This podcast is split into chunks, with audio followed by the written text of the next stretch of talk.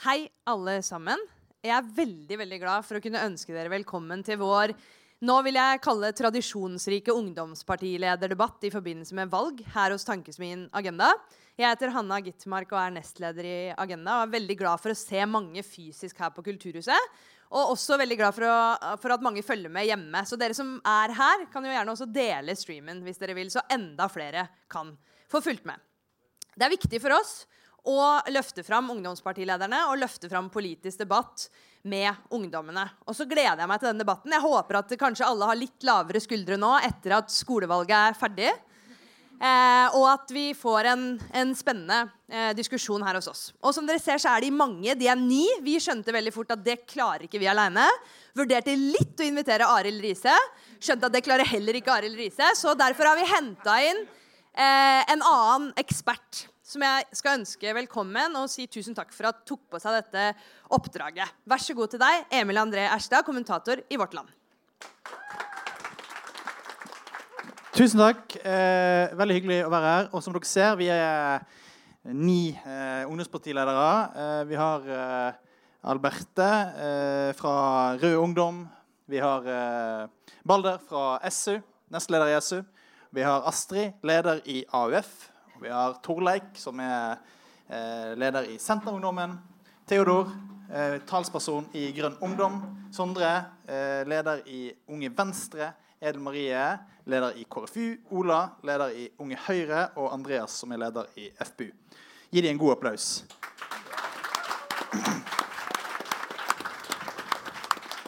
I dag eh, skal vi gjennom eh, en del tema, eh, så jeg tenkte å bare gå rett på. Vi skal snakke om rettferdig grønt skifte, ulikhet, arbeidsliv, lærdommer fra 22.07. og internasjonal solidaritet. Og Vi begynner med det rettferdige grønne skiftet. FNs klimarapport kom i starten av august. Den har prega valgkampen på en helt annen måte enn mange av oss hadde forestilt oss. Og vi har eh, i løpet av valgkampen også fått et forslag til ny oljeskatt fra eh, regjeringa. Og det er få valgkamper der fokuset på klimaendringer har vært sterkere enn i denne valgkampen. Og det får meg til å spørre hva er det vi skal leve av etter olja? Eh, det ønsker jeg gjerne å spørre disse ungdomspolitikerne om. Og en av de som har kapitalisert på det økte engasjementet for klimaendringer, er jo Unge Venstre-leder Sondre Hansmark. Du kan jo gjerne begynne. Ja, jeg tror at uh, altså Noe av det vi må gjøre for å, for å, redusere utslipp og for å nå klimamålene våre, er jo å slutte å lete etter mer olje. Sant? Det har både FN og Det internasjonale energibyrået vært veldig tydelige på. At land ikke kan fortsette å åpne flere oljefelt dersom vi skal nå målene i Parisavtalen. Og Det er den delen av rapporten som alle har fått med seg. Den del, andre delen av rapporten som snakkes litt mindre om, er hva vi må si ja til for at folk skal ha arbeid, og for at vi skal løse klimakrisen. Og jeg mener at Vi må si ja til mer fornybar energi. Dessverre så har det blitt kontroversielt å gjøre. Og Det fins så mange partier i dette panelet som nå går til valg på å si nei til klimatiltak, som sier nei til fornybar energi. Så han tar f.eks. Rødt, da, som er mot havvind og mot vindkraft. Du har SV og MDG som vil ha mindre vindkraft på land hele venstresiden som ikke vil ha fornybart strømsamarbeid med Europa. Så jeg mener at disse er tingene som vi må si ja til dersom vi skal skape jobber. Flere skal jobbe innenfor fornybar energi. Norge skal tjene seg rike på å bygge ut klimaløsninger som kutter utslipp både i verden og her hjemme i Norge. Tusen takk. Eh, en av de eh, som du da deler borgerlig side med, er Andreas fra FPU. Eh, hvordan, hvordan tenker du om samarbeidspartner Venstres, eller Unge Venstres budskap? Altså, jeg er veldig uenig i at vi skal slutte å lete etter olje. Må huske på at Grunnen til at Norge har blitt verdens rikeste land, verdens beste land å bo i, det er at vi har utnyttet naturressursene. Og jeg tror det er også naturressursene vi skal leve av etter oljen. Vi må huske på at vi kommer fortsatt til å være en energinasjon uten olje. og vi kommer til å leve av det kompetansemiljøet som Norge har bygd opp på energi. Og så er Det sånn, det siste jeg mener vi må gjøre, det er jo å knekke nakken på den norske økonomien. Fa, altså Sende arbeidsplassene ut av landet. Vi er nødt til å huske på at vi må ha folk med oss på den grønne omstillingen. fordi vi i Frp er også helt ærlige på at uh, oljeeventyret det er ikke evigvarende. Fordi olje og gass det er ikke en evigvarende ressurs, det er ikke en fornybar uh, ressurs. Så vi er nødt til å uh, fase ut uh, olja på sikt. Men for å lykkes med det så mener jeg at vi må ha med oss uh, folk flest. Og Da kan vi ikke ha den eh, radikale klimapolitikken som mange av de partiene foreslår. Og så må vi også huske på at det er noen som må ta regningen i, eh, ta regningen for hvis man legger ned olje- og gassnæringa, altså den næringa som eh, bidrar med desidert mest skatteinntekter til statsbudsjettet, til skoler, sykehus og veier. Hvem må ta den regninga i økte skatter og avgifter og redusert velferd? Jo, det er selvfølgelig dagens unge. Og det er fagarbeidere, industriarbeidere i viktige hjørnesteinsbedrifter ute i distriktene. Så jeg mener at vi er helt avhengig av å satse på industrien, satse på naturressursene, også i fremtiden. Tusen takk. Og eh, jeg ber dere holde dere korte innlegg, sånn at vi får eh, plass til flere. Eh, hvordan skal vi ha råd til, til å erstatte oljeindustrien? Balder fra, fra SU. Ja, altså, det, det, det, vi ser nå, er jo at mens Sverige har kuttet 28 eh, av utslippene. Danmark har kuttet 37% og Storbritannia har kuttet 40% av utslippene.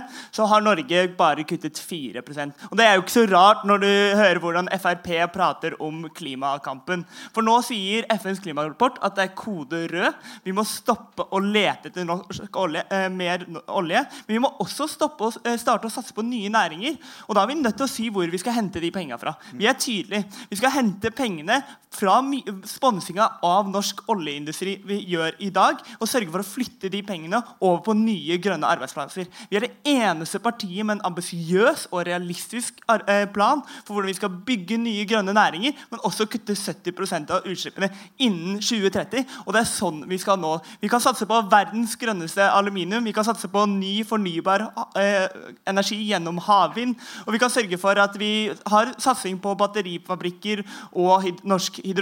Det er mulig å skape arbeidsplasser, men det er ikke, vi kommer ikke til å ha råd til velferden vår hvis vi ender opp med å fortsette å satse på olja nå. For da kommer det til å være massiv arbeidsledighet, sånn som vi så i, under oljekrisa i 2016. Så så vi en massiv arbeidsledighet i EU. Så EU sier at de skal fase ut norsk olje og gass nå. Det er hovedleverandøren vår så, av, av, norsk olje og gass. Og når de sier at de ikke vil kjøpe mer, ja, så må vi skjønne at nå er det alvor. Det er ikke bare uh, bra for klimaet, men det er også god business å begynne å satse på nye grønne arbeidsplasser. Eh, tusen takk. Eh, Theodor fra Grønn Ungdom, dere, jo, dere, står hardt på et eh, krav om leitestans. Eh, Moderpartiet sier at det er et ultimatum. Hvordan skal dette foregå, eh, den, den leitestansen og den oljestansen som dere foreslår? Ja, vi tenker at Den omstillingen som vi er tvunget til å gå gjennom, og som vi må ha enighet om at vi må gjennom Det er ikke vi som bestemmer det, det er liksom FNs klimapanel og realiteten i verden. Den går over tre ledd. Det ene og det enkleste og første er å slutte å lete etter mer olje.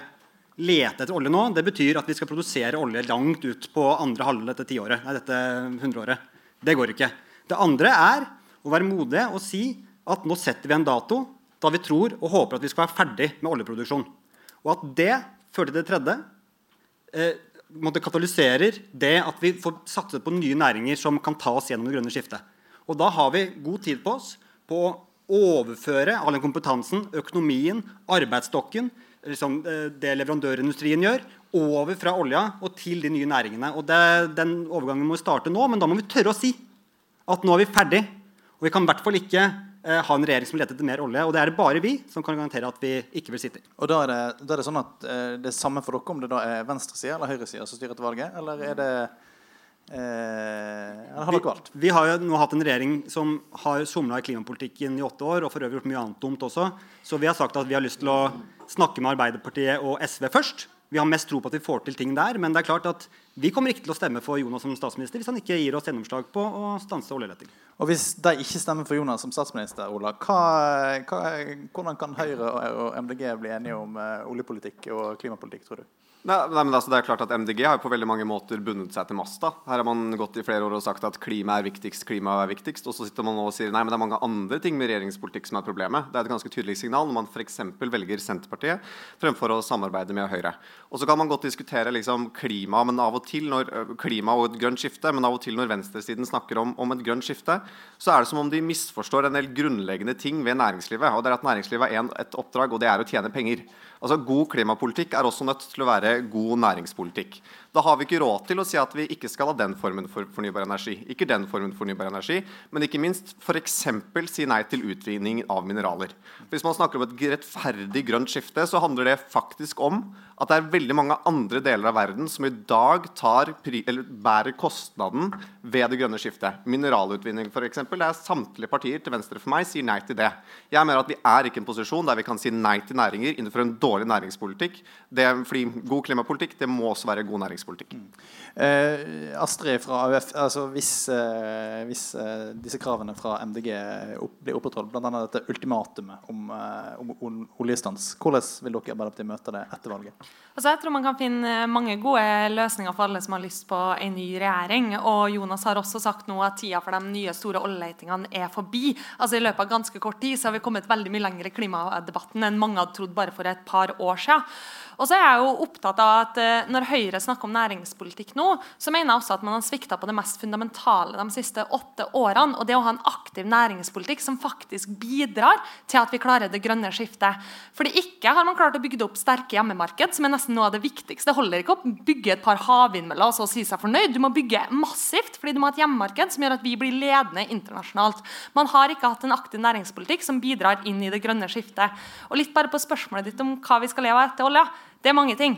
Men først og fremst skal vi leve av kompetansen til folk. I Norge har vi verdens beste fagarbeidere. Og de fleste i oljeindustrien de jobber ikke ut på en plattform. De jobber i leverandørindustrien. De leverer kjetting som holder langt ut i Nordsjøen, som er spesifisert på det, men har allerede begynt å omstille seg fordi at de ser at det kommer til å bli mindre penger der å hente framover. Da må vi gi omstillingsmidler, trygghet og ha en plan for hvordan både bedrifter og folk skal omstille seg. Der har vi hatt åtte tapte år for klimasaken, og da er det på tide at vi fører en aktiv næringspolitikk som kutter utslipp og skaper jobber. Og, og hvis, eh, hvis eh, det, blir et regjeringsskifte etter valget, Edel Marie fra KrFU, vil det, vil det, være noe dere i KrF kan samarbeide med ny regjering om? Eh, klimapolitikken? Vi har sagt at vi går til valg på den regjeringa som er nå. Og det gjør vi bl.a. fordi vi ser at med den regjeringa som er nå, så klarer vi faktisk å kutte utslipp. Og det klarte ikke de rød-grønne. De hadde åtte år på seg. Så når vi snakker om tapte år, så har vi åtte der.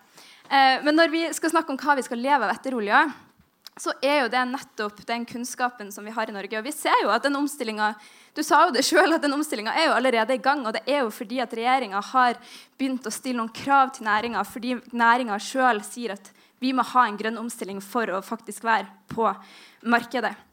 Og med KrF sin klimapolitikk så får du også god bistandspolitikk. Du får god distriktspolitikk. Og jeg er alvorlig bekymra for at hvis det blir et regjeringsskifte denne høsten, her, så får vi en statsminister som ikke vil slutte å lete etter mer olje. Ja, han sa det, men det var først etter Equinor. Men som lover å utvikle oljeindustrien fremover.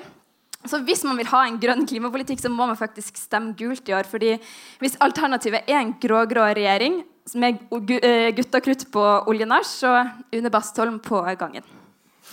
Og, eh, og dette, dette, Vi har sett nå i skolevalgkampen blant annet, at det har vært kraftige uh, ulike meninger blant ungdom knytt til hva, hva klimapolitikk en ønsker. og uh, Torleik fra Senterungdommen, hvordan, uh, hvordan vil ungdom i distriktet kunne møte den utfordringen vi nå ser med eh, en, et grønt skifte. Hvordan skal vi få til et rettferdig grønt skifte for deg? Jeg tror det er veldig kunstig det skillet som innimellom lages mellom bygd og by. Men det som er veldig reelt, er at folk opplever det selvfølgelig himla urettferdig hvis man blir straffa for å for kjøre bilen til til jobben, får beskjed om at man må kjøpe elbil, og så er det umulig å lade elbilene der man bor.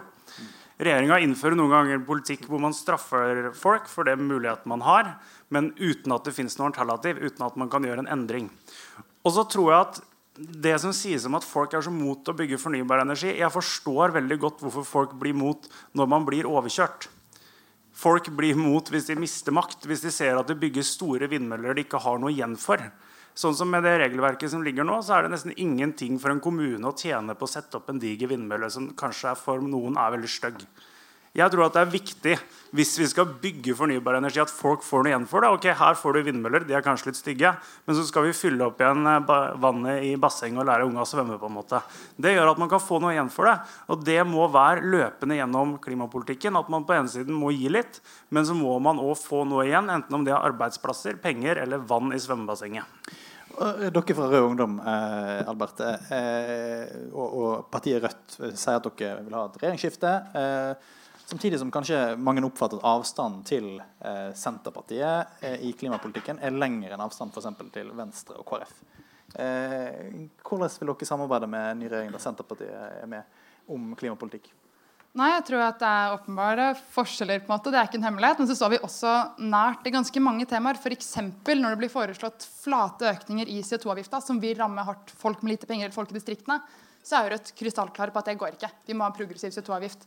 Eller hvis man ser at man har en klimapolitikk som vil selge ut masse norsk grønn kraft, som vil ødelegge for norsk industri, så er vi krystallklare på at det kan vi ikke. fordi at de grønne arbeidsplassene etter olja er også de arbeidsplassene som i dag er i ren aluminium, silisium, annen kraftkrevende industri, som vi vil trenge hvis vi vil få til det grønne skiftet. Så jeg hadde absolutt avstand i enkelte spørsmål, men jeg tror også at vi er, eh, står på samme side i en del spørsmål. og det er at klimapolitikken ikke bare må få ned utslippene, men også er nødt til å få ned ulikheten både geografisk og økonomisk.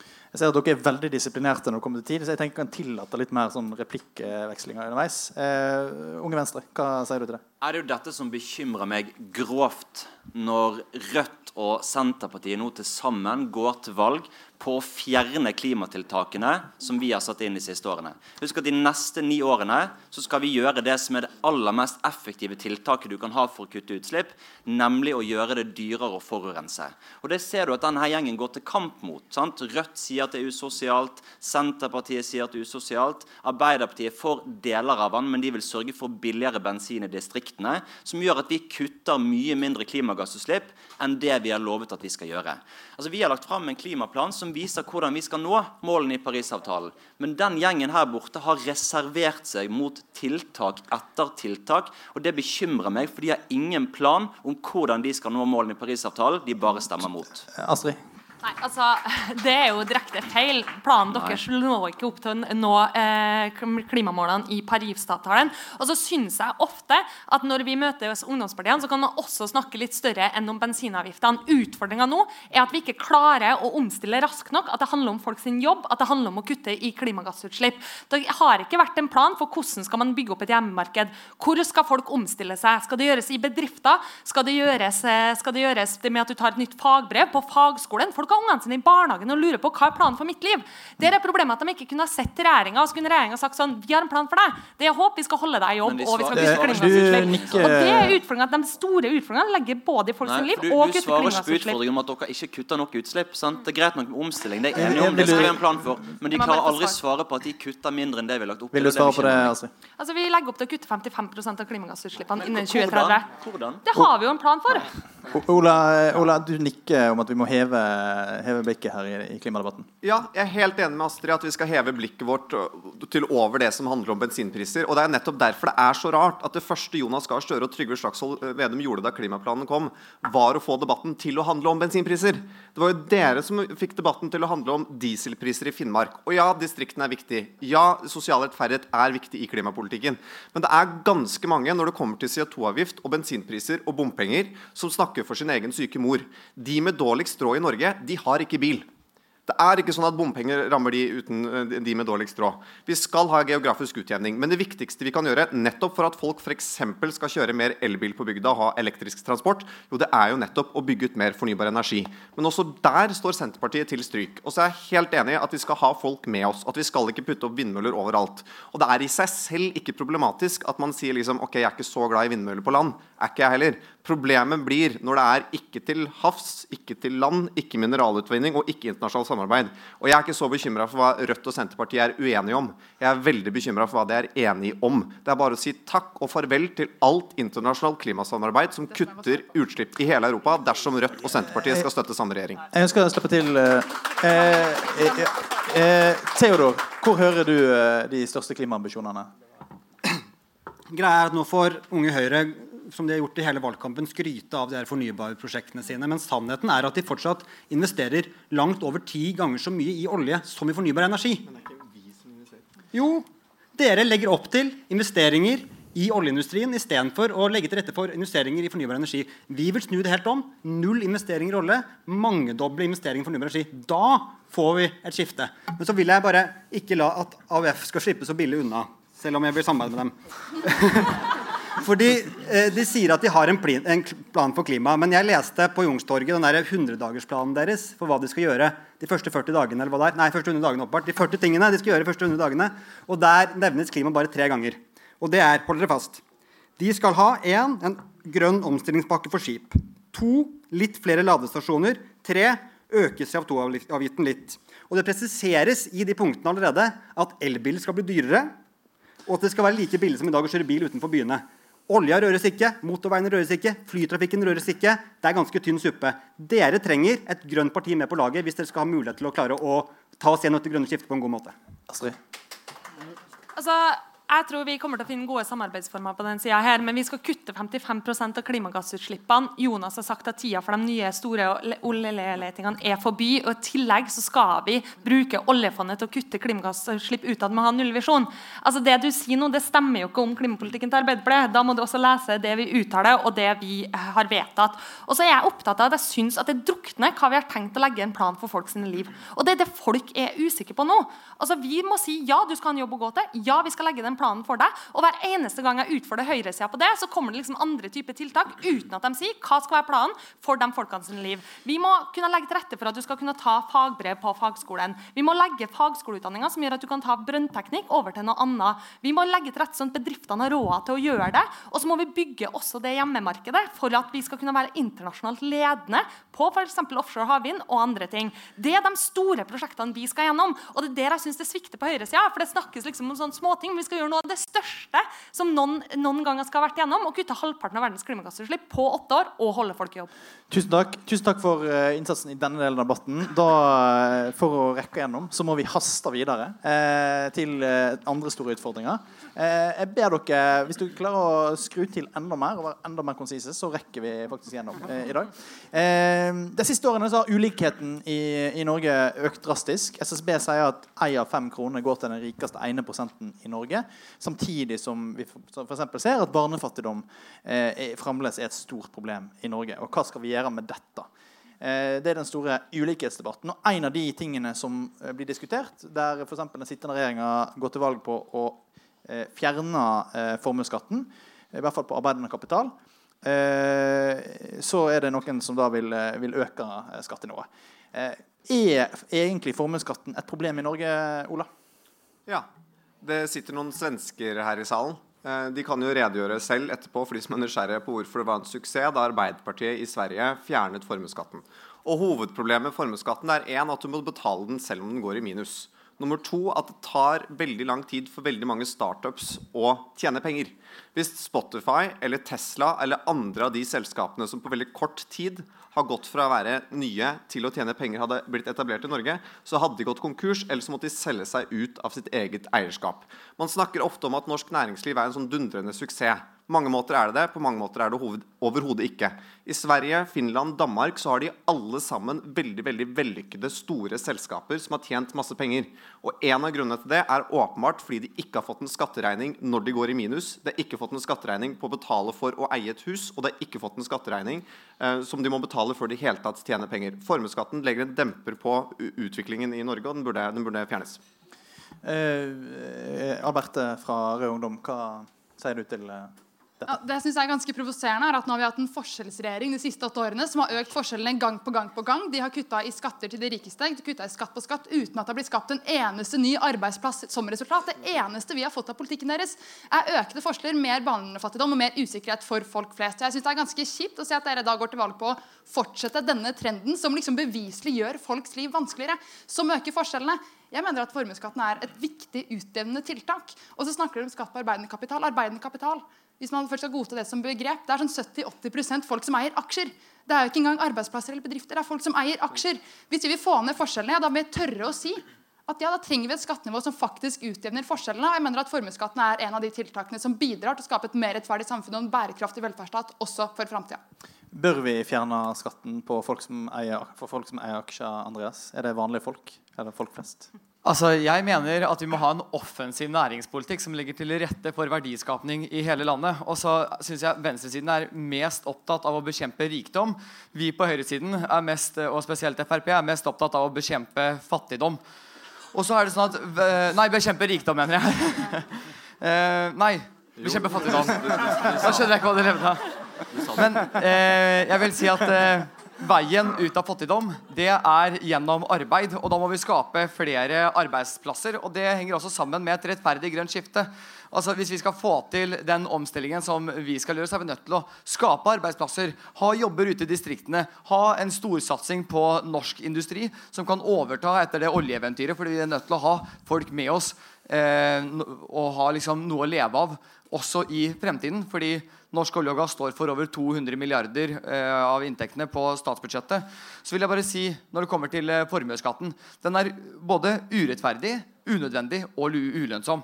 Det er bare norske bedrifter som er nødt til å betale den, mens utenlandske bedrifter de slipper. De skaper en enorm konkurransevridning i markedet og sørger for at norske bedrifter har en ulempe. Den er unødvendig fordi det, altså Staten får bare inn ca. 14 milliarder på formuesskatten. Den kunne egentlig vært fjerna veldig enkelt. Og så er den ulønnsom fordi det er veldig lønnsomt at man tiltrekker seg internasjonale selskaper som etablerer seg i Norge og skaper arbeidsplasser. Og så synes jeg at Vi må være mest opptatt av å skape mest mulig, ikke gjøre som venstresiden ja. og være mest opptatt av å skatte mest mulig. Eh, Balder, er det, er det, er det rikdom eller fattigdom eh, høyresida prøver å bekjempe med denne politikken? Altså, Med den politikken eh, de, de, driver med nå, så bekjemper eh, de jo altså, Det de sørger for, er jo at de rikeste har blitt rikere. Rolex-salget på Holmenkollen går som bare rakkeren. Samtidig så har vi elever som kommer på skolen, og stadig flere av de, som eh, tar matpakkepapir rundt matpakkepapir for å late som de har matpakke på skolen. Og Det er realiteten av norsk politikk i dag, og det må vi snu på hodet.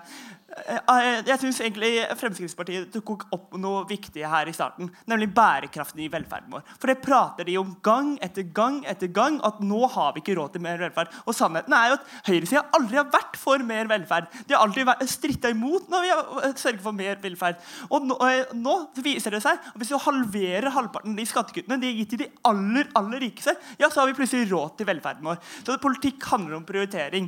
Og i år så går det an å både velge et radikalt radikalt klimaparti som viser hvordan vi greier å nå klimamålene innen 2030. Greier å kutte 70% samtidig som vi klarer å gi vanlige folk mer å leve for. Vi klarer å sørge for gratis tannhelse, gratis SFO og skattekutt til vanlige folk, og ikke til milliardærene som, er, eh, som sponser Høyre sin valgkamp.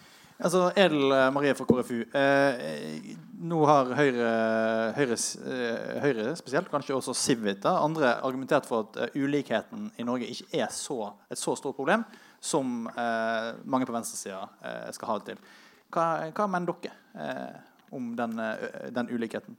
Er det et problem? Eller, eller? Altså, ulikhet er jo et problem, og det har vært et økende problem i over 30 år. Så her er det jo flere som, som på en måte sitter med en del av ansvaret på det, akkurat det.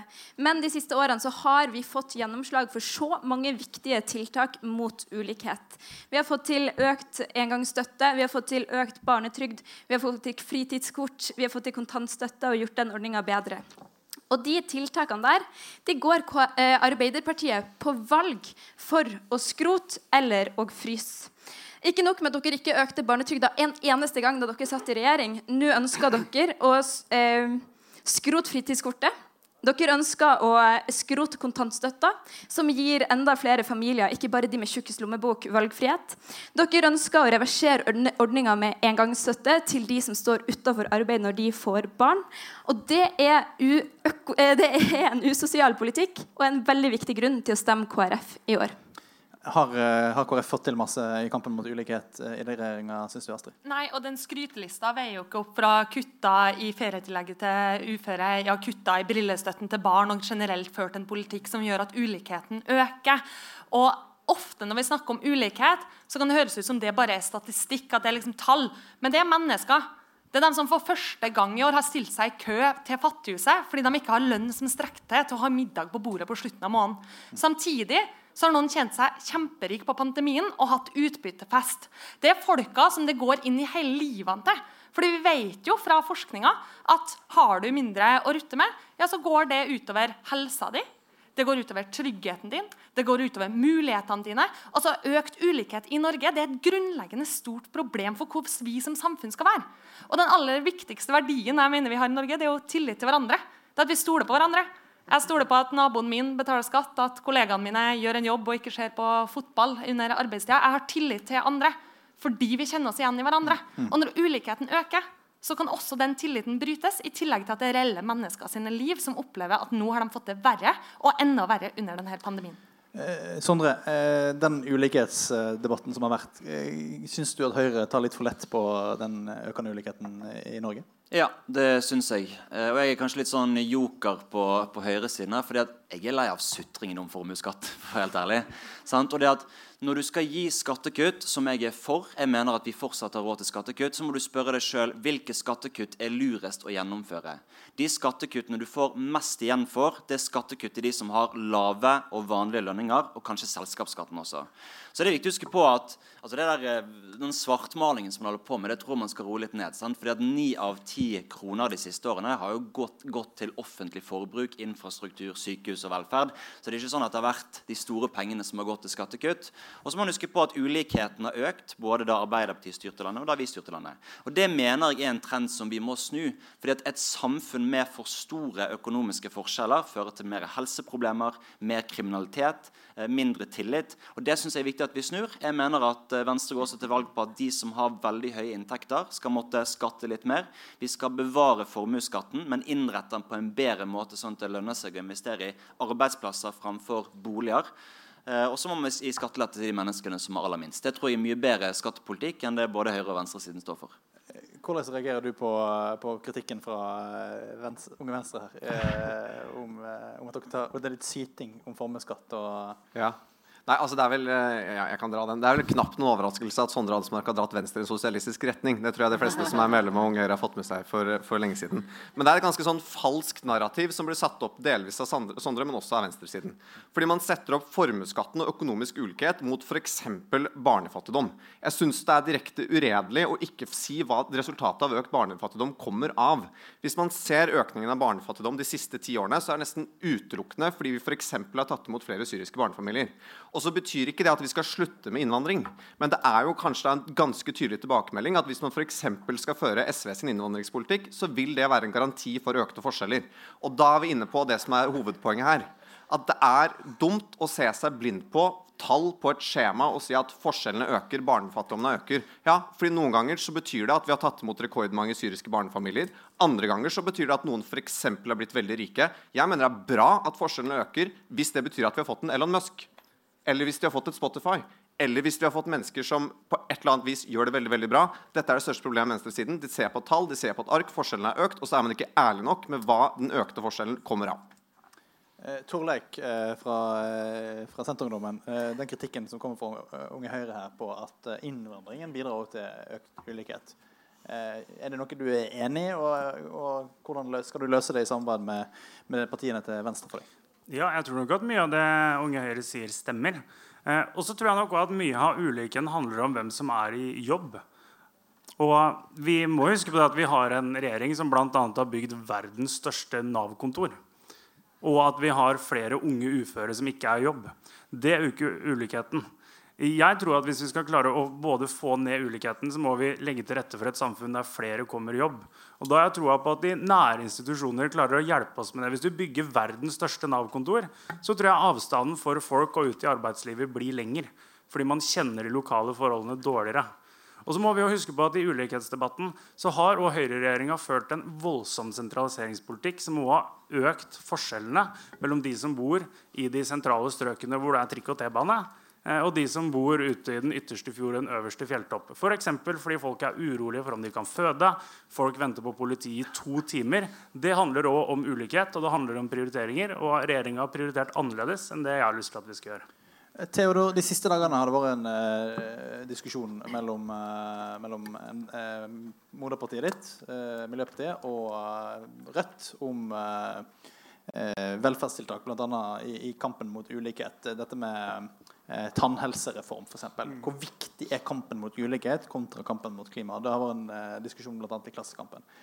Hvordan eh, Den saken fra Klassekampen handler bare om at vi er ærlige på hva vi prioriterer hvis vi har begrenset makt. og vi sier at eh, Men- men når det er kode rød for menneskeheten, så prioriterer vi, klima. Men vi syns at klima Men hvor viktig er kampen mot ulikhet for eh, Miljøpartiet? Den er kjempeviktig. Vi kommer til å stille masse strenge krav på ulikhet når vi sitter i regjeringsforhandlinger. Men jeg vil bare si til, til Ola i Unge Høyre Jeg syns du forenkler det litt, altså. Når du sier at økt ulikhet i Norge bare handler om at vi tar imot flyktninger. Det, men du sa at, var, kan, at, man kan beskrive det mest med det. Det handler også om at dere har kuttet i støtteordninger til de som har minst, og at dere har hevet penger etter de menneskene som har aller mest. Og jeg er uenig med deg når du sier at det er greit at ulikhetene øker hvis vi får en ny Elon Musk. Nei, for at ulikhet er giftig for samfunnet vårt. Alt det som har gjort Norge til det bra landet med lite korrupsjon, høy tillit, eh, sterk velferdsstat, er fordi at vi har eh, hatt lite ulikheter. Og så, vil jeg, og så vil jeg bare dra det litt videre. Jeg har stått opp litt på feil side av sengen i dag, så jeg må bare si en ting til Arbeiderpartiet. Eh, for når det gjelder ulikhet i Norge, så har historien vært sånn her. Høyresiden har senket skattene, og så har Arbeiderpartiet fryst dem. Og så har høyresiden senket skattene, og så har Arbeiderpartiet fryst dem. Jeg mener at vi må snu den spiralen helt og ha en helt ny politikk for å eh, møte de økte ulikhetene som vi ser hvert år, som vi også så under Arbeiderpartiet-regjeringen. For eksempel, eh, to eksempler. Det ene er arveavgiften. Dere fjernet den. Dere vil ikke føre den tilbake. Vi mener at de aller rikeste, de som arver masse penger, de skal faktisk kunne eh, bidra mer til fellesskapet med et høyt bunnfradrag eh, på en arveavgift. Det andre er f.eks. selskapsskatten. Dere har, dere har, senket den fra 27% til 22% Dere vil beholde den på 22% Jeg mener det er feil. Jeg mener at Mer av overskuddet i bedriftene skal gå tilbake i og investere i nye arbeidsplasser istedenfor å gå rett i lomma på de som uh, allerede har mest fra før. Vi trenger en ny venstreside som er rød og som er grønn, og som sørger for ordentlig omstilling og ikke bare lener seg på det høyresiden allerede har gjort. Altså, er, er Miljøpartiet en alliert i kampen uh, mot ulikhet, uh, Balder? Altså, jeg syns dette er kjempebra å høre Theodor snakke om alle kjernesakene til SV. Eh, og syns jeg, jeg, er bra at eh, han eh, lener seg til venstre. Eh, dessverre så er det jo ikke hele Miljøpartiet som gjør det. Og jeg tror det er viktig å innrømme at klimakampen og forskjellskampen må løses også i fellesskap. Og i år så trenger man faktisk ikke å velge mellom Rødt sin fordelingspolitikk og MDG sin klimapolitikk. Man kan faktisk velge begge deler og velge SV. Og så må jeg bare ta det her med formuesskatt. Altså, Ni av ti kroner går til de aller rikeste. Og vi vet, og dere har selv bestemt en rapport eh, som sier at det ikke skapes mer arbeidsplasser, og som faktisk ikke sier at det er så stor gevinst av å drive og ta vekk denne formuesskatten. Og når vi vet at det her er faktisk penger vi kunne brukt på noe helt annet, ja, så kan vi faktisk gjøre noe med fattigdom. Vi kan sørge for at det er gratis skolemat. Vi ser at mange steder så er det ikke alle som går på SFO. Hvis vi sørger for at det blir gratis, ja, så har vi sett hva som skjer i Oslo. Deltakelsen går fra 60% til 90% Det er ikke fordi at folk ikke har lyst til å gå på gratis SFO, det er fordi at folk ikke har råd. Og det det er det Høyre ikke skjønner. At folk ikke har råd i dette samfunnet. Mm. Og for, Vi må faktisk sørge for at folk har råd til å leve, og det får du med SV. Og du sørger for, også for gode klimatiltak. Andreas, eh, hører dere ikke på eh, forskerne som dere sjøl bestiller? Altså eh, eh hvis man eh, tro, ikke tror at eh, formuesskatten sparker på bedrifter som allerede ligger nede, så vil jeg oppfordre SE til å reise ut og besøke noen bedrifter som går med underskudd, men som likevel blir tvunget til å betale formuesskatt fordi de har store verdier i gravemaskiner, eller f.eks. et kjent eh, eksempel med kjettinger. Altså, jeg måte Det er veldig synd at staten på en måte har en skatteordning som ser at bedrifter sliter med å holde hodet over vann. Likevel så svarer staten med å dytte dem enda lenger ned. Det må vi slutte med. og Da vil jeg oppfordre dere til å besøke noen eh, bedrifter. Og så mener jeg at Dette hemmer jo også vekst. For, hvis vi fjerner formuesskatten, så kan bedriftene fremfor å fylle uh, statskassen, begynne å investere i flere maskiner, flere ansatte eller flere altså, utvidelser og gjøre andre investeringer. Så må jeg bare si en ting som er veldig viktig å få frem i denne debatten. Altså, Norge er et land med svært små forskjeller. Og det skal vi være utrolig glad for. Men da er altså det siste vi trenger venstresidens skatte- og avgiftspolitikk og venstresidens klimapolitikk. Og jeg synes denne debatten er et, altså vitner veldig godt om at MDG ikke hører hjemme i sentrum i norsk politikk, men faktisk helt ute til venstre. Arveavgiften er selvfølgelig noe ikke vi skal uh, ha tilbake. Jeg mener Det aller viktigste vi kan gjøre for å sørge for å få ned forskjellene, det er å sikre en bedre innvandring- og integreringspolitikk og kutte i usosiale skatter og avgifter. Alberte. I fjor høst så kom det to rapporter. Eller det kom sikkert flere også, men det kom to som jeg la merke til. hvert fall. Den ene rapporten handlet om formuesskatt, den dere bestilte, som viste at eh, økt formuesskatt faktisk bidrar til å investere i nye arbeidsplasser. Og så kom det en annen rapport som viste at ulikheten er veldig veldig mye større enn det vi lenge har trodd at den var. At de rike er mye rikere enn vi trodde, at de betaler veldig mye mindre skatt enn vi trodde. Eh, og dette vitner om et par ting. da at politikken dere har ført, og kanskje Arbeiderpartiet, spesielt høyresida, har ført, har ført til økende forskjeller, en svekka velferdsstat, mer barnefattigdom. Og så er det godt å høre at dere snakker om at vi må ha tiltak mot det. Det kan godt være at mye eh, at vi har tatt mot, mot mange flyktninger har ført til økende forskjeller. Men da må vi jo ha tiltak for å hjelpe folk inn i arbeid. Da Da må vi ha tiltak for å styrke velferden. Hvor har de tiltakene vært? Dem har ikke jeg sett. Vi har fått langt flere fattige barn, langt mer usikkerhet. Dere har kutta i stønad på stønad, ordning på ordning, som har påvirka folk som har hatt det vanskelig fra før av. Det er ikke en sosial politikk, det er en politikk som øker forskjellene.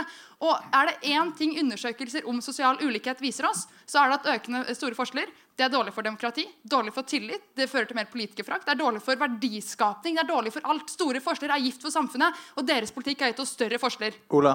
Jeg synes egentlig Theodor viste godt hva forskjellen var. Fordi Theodor sa at vi skulle øke selskapsskatten slik at staten kan ta pengene inn og så investere det ut igjen. Vet du hva? Den jobben klarer faktisk det private næringslivet helt fint sjøl. Det er derfor vi har eh, For det første, den skatten, altså selskapsskatten er ikke på utbytte. Da har vi en egen utbytteskatt. Vi trenger ikke en stat i Norge som går inn og tar penger og sier at dette skal vi investere for dere. Vi trenger en stat som sier at en, disse her kan dere skape flest mulig arbeidsplasser på. For i Norge Alberte maler nærmest et bilde av at folk i middelklassen har blitt fattige. Det stemmer ikke. Det som stemmer, er at i Norge så er å være i fulltidsarbeid nesten en garanti mot å ikke bli en del av eh, For å ikke være fattig. Og Da må man sørge for at man skal ha flest mulig inn i arbeid, at vi skaper flest mulig arbeidsplasser. Og da er en skatteregning, enten det er 25 milliarder, 38 milliarder, 35 milliarder, gud vet hva kompromisset blir, en veldig dårlig idé for ulikheten i Norge. Astrid? Altså, det er så merkelig hvordan høyresida alltid tenker at hvis du har mye, så skal du bli motivert av å få enda mer. Men hvis du har lite, så skal du bli motivert av å få mindre. Og jeg synes Det er litt sånn tullete å drive og snakke om Elon Musk og andre ting når norske sykepleiere i Oslo bare kan kjøpe 1,3% av alle boligene. Jeg mener at Norske sykepleiere jobber like hardt som dem som har aller mest fra før. Og de fortjener å sitte igjen med litt mer av inntekta si. Mens alle andre som på toppen skal vi skatte mer. Vi er nødt til å gjøre noen ganske radikale grep for å få ned ulikheten. For det er riktig som flere sier, at den har økt over mange år. Men den i tillegg gjør det jo ikke bedre når du gir 34 milliarder kroner i skattekutt til Norges aller, aller rikeste. Og da er vi nødt til å gjøre noe med boligpolitikken vår. Det må være sånn at du kan ha en vanlig inntekt og kjøpe deg bolig i storbyene i Norge.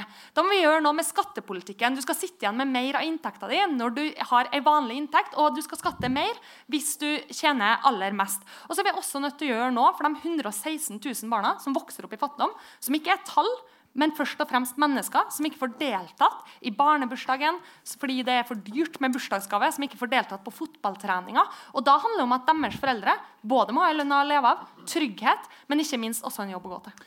Eh, hva kan vi gjøre med boligpolitikken, eh, Sondre? Ja, Der er det mye vi kan gjøre. Men jeg må bare minne Arbeiderpartiet på om at de har stemt for ganske mange av disse skattekuttene. De har stemt for kutt i selskapsskatten, de har stemt for større aksjerabatt og mindre formuesskatt på aksjer. Så det er ikke sant at disse milliardene går til de aller, aller rikeste. Det går til norsk næringsliv og det går til også vanlige folk som dere var med å stemme for.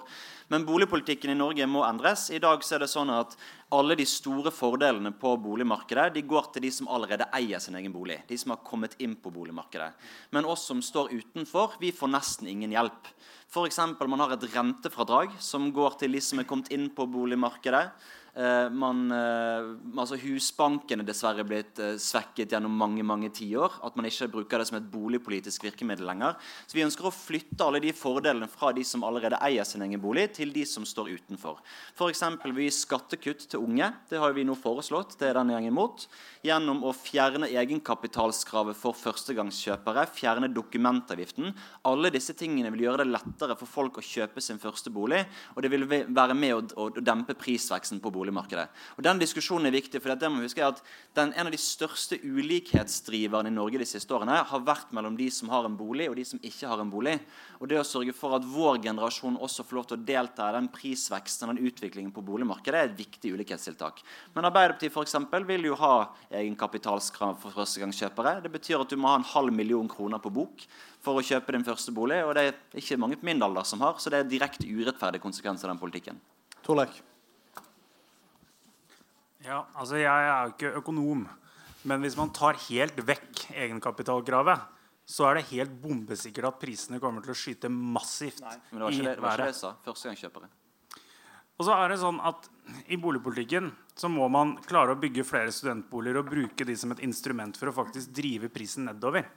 når det nå blir bygd studentboliger i Oslo som leies ut for 7000-8000 kroner i måneden, så er ikke de det verktøyet som de skal være.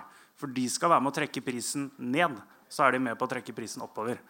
Og så er det jo sånn, Nå sitter vi på Kulturhuset på Youngstorget, men det er en stor verden utenfor.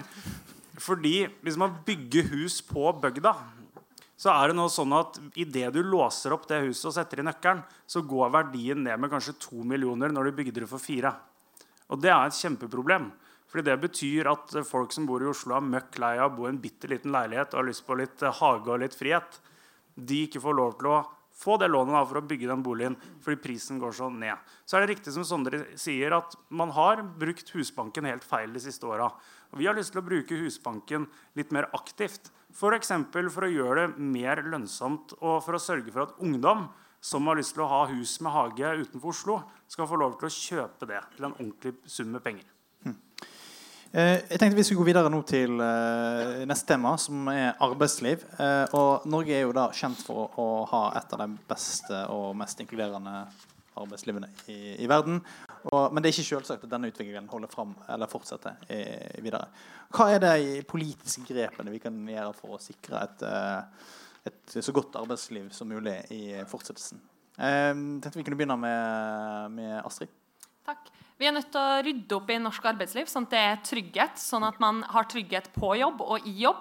Fordi De siste årene så har vi sett at utryggheten har forsvunnet. Man har innført flere midlertidige stillinger som har ført til én ting, nettopp flere midlertidige stillinger. Ikke flere stillinger som eh, høyresida lova gull og grønne skoger til norske ungdom. Vi er nødt til å skape flere arbeidsplasser.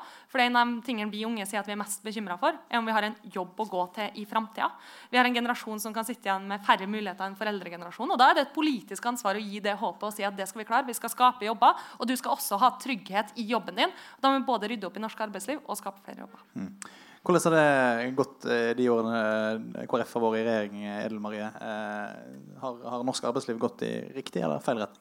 Jeg vil si at Vi har gjort veldig mye viktig og bra, bl.a. fordi vi har begynt på det grønne skiftet etter eh, ja, hvis jeg skal sitere AUF, åtte tapte år med Arbeiderpartiet, der utslippene bare gikk én vei, så har vi nå begynt den grønne omstillinga, der næringa sjøl også eh, får til en omstilling. Og Det gjør jo at de kan ha en, eh, en eh, ja, At vi kan eksportere både teknologi og produkter ut til Europa. Og en av de viktigste tingene når jeg er rundt og snakker med bedrifter, spesielt der jeg kommer fra i Nordland når jeg spør hva er det viktigste jeg kan gjøre som politiker for dere, så er svaret hele veien behold EØS-avtalen, ikke sett den i spill. Eh, og det, når vi ser på venstresida, der er det flere partier som ønsker en reforhandling av eh, EØS-avtalen. Vi så jo det gikk jo strålende med brexit. Det er jo nesten som å slå opp eh, med kjæresten sin for å håpe at forholdet skal gå bedre etter det. Helt bakvendt. Eh, så det, det skal vi absolutt ikke gjøre. Eh, bør vi slå opp med kjæresten for å få forholdet til å gå bedre for norsk arbeidsliv, eh, Balder? Ja, altså, jeg tror helt ærlig at vi må se på hva er alternativene. Det burde ikke være så skummelt å utrede det. Og, og se på hva som skjer med norsk arbeidsliv. Bare se på de som jobber i jernbanen. Hva de opplever nå når eh, jernbanen stykkes opp. Det er ikke ett selskap som skal ha ansvar for det, men det er 9-10-11-12 selskaper. Selv kaffeautomaten har sitt eget selskap og sine egne arbeidsgivere. Og det gjør at folk ikke har hele og faste og trygge arbeidsplasser. Så Derfor så må vi se på hvordan vi kan reforhandle EØS. for det handler rett og slett om å sørge for tryggere arbeidsplasser. Men jeg har liksom, siden du har invitert oss som ungdomspolitikere og liksom fremtiden til norsk arbeidsliv og jeg må innrømme at jeg blir ordentlig bekymra. For nå var LO ute rundt i, i sommer på sommerpatrulje. Og de oppdaget at på norske arbeidsplasser så var det 58% av unge som opplevde brudd på arbeidsmiljøloven. Det er en helt annen eh, eh, selvtillit man ser blant arbeidsgivere på å bryte rettighetene til unge.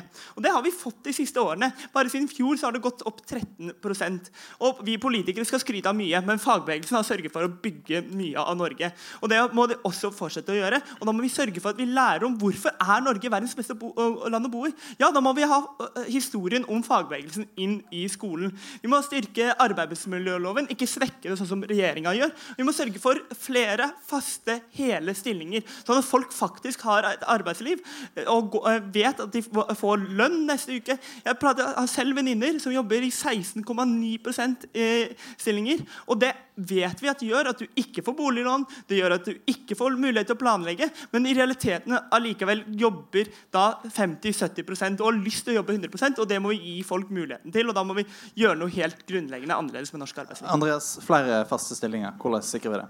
Altså, Jeg syns jo det er eh, veldig bra, og jeg vet at det er det mange som gjerne vil ha også. Men det er liksom veldig typisk SV å gå inn for en politikk hvor de liksom skal vedta flere faste hele stillinger på Stortinget. Det er ikke sånn markedet eller samfunnet fungerer. Altså, Jobbene er nødt til å skapes, de kan ikke vedtas. Og da mener jeg at vi må begynne med å skape mer og skatte mindre. Jeg føler Hver gang vi snakker om arbeidsliv og arbeidsplasser, så er venstresiden mest opptatt av å se hvor mye kan vi skatte før eh, bedriftene går eh, dunken. Og så vil man gjerne fortsette etter det også. Mens vi er mest opptatt av å se hvordan kan vi skape mer, hvordan kan vi kan tilrettelegge for at flere kan få et innpass i, nære, i eh, arbeidslivet og uh, få en mulighet på arbeidsmarkedet. Og Der er vi i FrP veldig tydelige på at vi vil gjøre det enklere og billigere å ansette unge. Det er veldig mange som har uh, unge som har hull i CV-en, som kanskje ikke har referanser eller noe arbeidserfaring, men som har veldig lyst til å jobbe. Derfor hadde vi i FPU en kampanje i våres som eh, hadde slagordet 'Ungdom vil jobbe'. De må bare få muligheten på arbeidsmarkedet. Og da vet vi at Så fort unge har fått ett ben innenfor, så er det veldig fort gjort at de får en fast heltidsstilling på sikt. At de får begge beina innafor. Men når de først har havna utenfor, har hull i CV-en, så, så, hever eh, arbeidsgiver litt på øyenbryna. Og da er terskelen for å komme inn i arbeidslivet mye, mye høyere. Og det er der jeg mener at Vi må satse på unge. Vi må gjøre det lettere og billigere å ansette unge. Derfor vil vi fjerne arbeidsgiveravgiften for alle under 30, slik at unge slipper inn på arbeidslivet og kan være skattebetalere og i arbeidslivet helt til de går av med pensjon. Astrid. Altså, Midlertidige stillinger, ufrivillig deltid, det fører jo, fører jo til utrygghet i hele livet. Før så sto liksom folk med lua i hånda, og da var høyresida fornøyd med det. Nå står de med mobilen i hånda og venter på når de får neste jobbmulighet. Og Utfordringa er jo at hvis du jobber i midlertidig stilling, hvis du jobber i 13,7% stilling, så er det ikke mulig å få huslån. Fordi det er ingen som vil gi deg huslån når du ikke har 100% stilling eller kan vise til hva inntekta di er fremover. Så det her er jo tilbake også på den ulikhetsdebatten. Da. Det at du ikke har trygghet i arbeidslivet, gjør også at du ikke har trygghet resten av livet ditt. At du ikke har muligheten til å kjøpe den boligen, at du ikke har mulighet til å kjøpe den bilen, eksempel, At du ikke har de samme mulighetene for ungene dine. Og det syns jeg det er så merkelig. fordi man har jo sett det at etter at man innførte flere midlertidige stillinger, så var det ikke flere stillinger. Det var hele faste stillinger som ble midlertidig.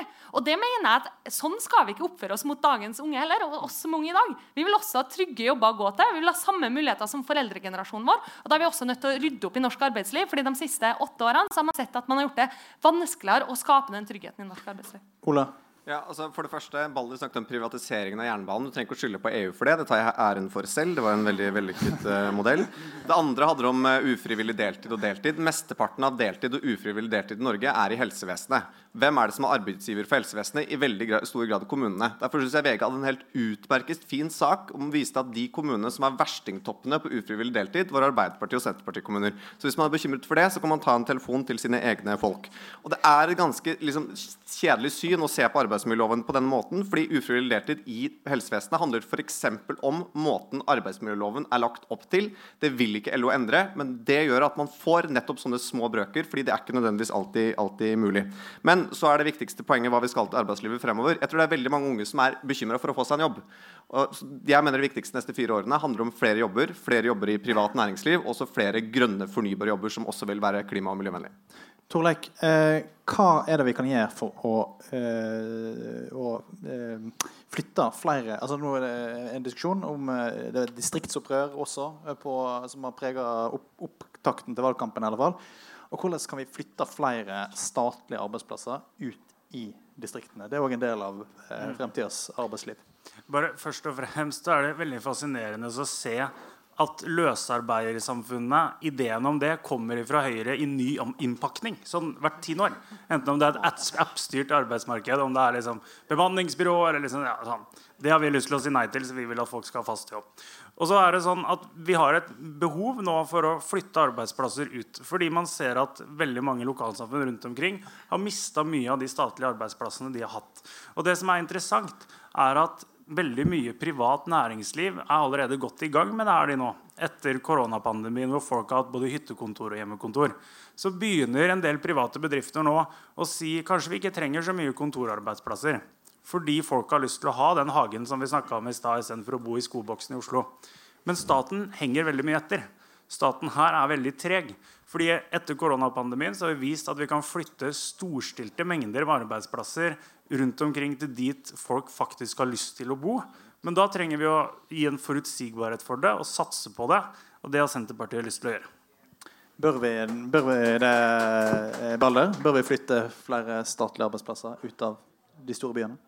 Ja, altså Vi er definitivt positive til å, å, ha flere arbeidsplasser uh, ute i forskjellige deler av uh, landet. Og syns det er bra at man for har lagt Brønnøysundregisteret til nettopp Brønnøysund. Og at man har eh, avdeling i Sogndal som jobber med mye av statlige oppgaver. Og, og, og den type tiltak er, er viktig. og jeg tror på en måte fremtidas arbeidsliv må være trygt og mulig å jobbe fra der man vil. men det viktigste er jo å sørge for at man har en trygg og god arbeidsplass. Og, og også på en måte å vite at man er trygg når man faller utafor. Og det ser vi jo nå. Unge Høyre ute senest i dag og forklarte hvordan de skal finansiere velferden og skattekuttene til de aller aller rikeste. Så sa de hvordan de skal kutte i feriepenger, skal kutte i, i, i støtte til de som blir syke. Og Det er bare en sånn misforstått greie fra Høyre at du blir, liksom, du blir mer motivert av å jobbe når du er fattig, ved å ta, ta fra deg penger. Og vi vet at en av hovedårsakene til at unge i dag står utafor arbeidslivet, ja, det er psykisk helse. Hva må vi gjøre da? Jo, det er jo ikke å piske folk tilbake. Det blir ikke bedre psykisk helse. For en av hovedproblemene er allerede at de føler seg utafor samfunnet. Da må vi sørge for at de får gratis psykolog frem til de er 25 år. Vi må sørge for at de får bedre oppfølging, og ikke kutte i støtten til eh, folk som er arbeidsledige. Men sørge for at vi kutter, eh, styrker tiltak som gjør at folk kommer i jobb. Og Det er jo det vi diskuterer egentlig reelt selv. Hva er det vi skal prioritere? Vi vil ikke prioritere skattekutt til aller, aller rikeste, men heller prioritere penga til vanlige folk og sørge for at faktisk folk kommer seg i jobb. Og det er ikke mer pisk, men det er å faktisk hjelpe folk med de problemene mm. de har. Uh, Edel Marie, er du enig i de uh, prioriteringene som Unge Høyre tidligere i dag foreslo, bl.a. Uh, i trygdeytelser? Altså, KrFU vi er oppriktig bekymra for at uh, når vi snakker om ulikhet og urettferdighet i dette panelet, her, så tenker vi liksom bare på her og nå. Vi må jo faktisk også tenke på generasjonsrettferdighet. Vi kommer til å bli gamle en dag, og så kommer det en generasjon etter oss. Vi er opptatt av at vi skal ha et velferdssamfunn som ikke bare tar vare på folk i dag, men også tar vare på de som kommer om 100 år. Og da må vi faktisk legge litt om på velferdssamfunnet vårt. Og jeg syns at vi skal ta det perspektivmeldinga forteller oss litt mer på alvor. Fordi når venstresida kommer og sier at de skal utvide eh, velferdssamfunnet i egentlig nesten det uendelige, det er ikke måte på, så kommer vi heller med, mer, eh, med tiltak som er mer målretta inn på de som trenger det aller mest. Det er viktig at vi har en del universelle eh, eh, tiltak, men det må være mer målretta tiltak. Absolutt. Alberte? Ja, jeg er helt enig i at Vi skal bygge opp en velferdsstat som er bra også om 100 år. Det er nettopp derfor vi må jobbe for at folk skal ha et arbeidsliv der man har en hel fast stilling som hovedregel. Er derfor vi må jobbe for et boligmarked der også vi unge kommer inn. Det er derfor vi må jobbe for gratis tannhelse. Derfor vi må reversere endringene dere har gjort i AP som eh, rammer unge spesielt. For jeg synes Det er ganske skummelt egentlig å se at gjennom århundrer så har arbeiderbevegelsen jobba fram de rettighetene vi har i dag, som dere har strippa vekk rettighet på rettighet og fortsatt prøver å angripe nå i løpet av åtte år. Det synes jeg er en skummel utvikling. Hvor fort dere har pissa på mange hundre år med kamp. Eh, fordi jeg tror helt genuint at Hvis vi bygger et velferdssamfunn med små forskjeller som funker ikke bare i dag, men også for generasjoner som kommer etter, så må vi ja, vi må tørre å si at politikk er prioriteringer, og så må vi prioritere folk, velferd, små forskjeller over de aller rikeste, over en slags tanke om at man blir for friskere av å bli fattig, eller at samfunnet blir bedre av at de som allerede er rike, får mest, det tror ikke jeg bidrar til å skape et bedre og mer rettferdig samfunn hvis vi vil få til både en grønn omstilling og en omstilling til et mer rettferdig samfunn med mindre forskjeller. Da trenger vi ny regjering, og så trenger vi et sterkt Rødt som kan dra disse partiene i riktig retning. Theodor, eh, det, det, diskusjonen om arbeidsliv her er jo interessant. Men for at vi skal kunne ha et arbeidsliv, så må vi ha jobber. Og hvis vi kutter ut skifte, et grønt skifte, hvordan skal vi da skape disse jobbene? I de nye jobbene som vi trenger. Og ha nok jobber til alle. Har du gode svar på det? Sikkert gode betingelser for, for næringslivet. Eh, bruke staten aktivt inn i å skape nye jobber der vi vil ha de jobbene. For det, nå er vi i 2021, og det er ikke, det er ikke likegyldig lenger hvor de jobbene er de jobbene vi skaper nå, de må være med å redde verden. Vi kan ikke da eh, bare la markedet eh, styre fritt og la alle jobbene måte, havne i olja og andre skitne næringer. Men det er, det er, flere ting jeg vil kommentere på her. En, flytte arbeidsplasser ut av Oslo. Nei, det trenger vi ikke. Jeg liker Oslo. Um, og det viktigste for meg er at verdiskapning skjer, ikke hvor den skjer. To, eh, EØS. Eh, alle de fine tingene som jeg er enig i, som Rødt og SV sier om arbeidslivet. Jeg er redd for at alt det blir nullet ut hvis vi går ut av EØS-avtalen. For da mister vi markedsadgang, vi mister masse jobber, ting blir dritt. Tre, KrF begynte denne delen av debatten med å skryte av den grønne omstillingen til regjeringen.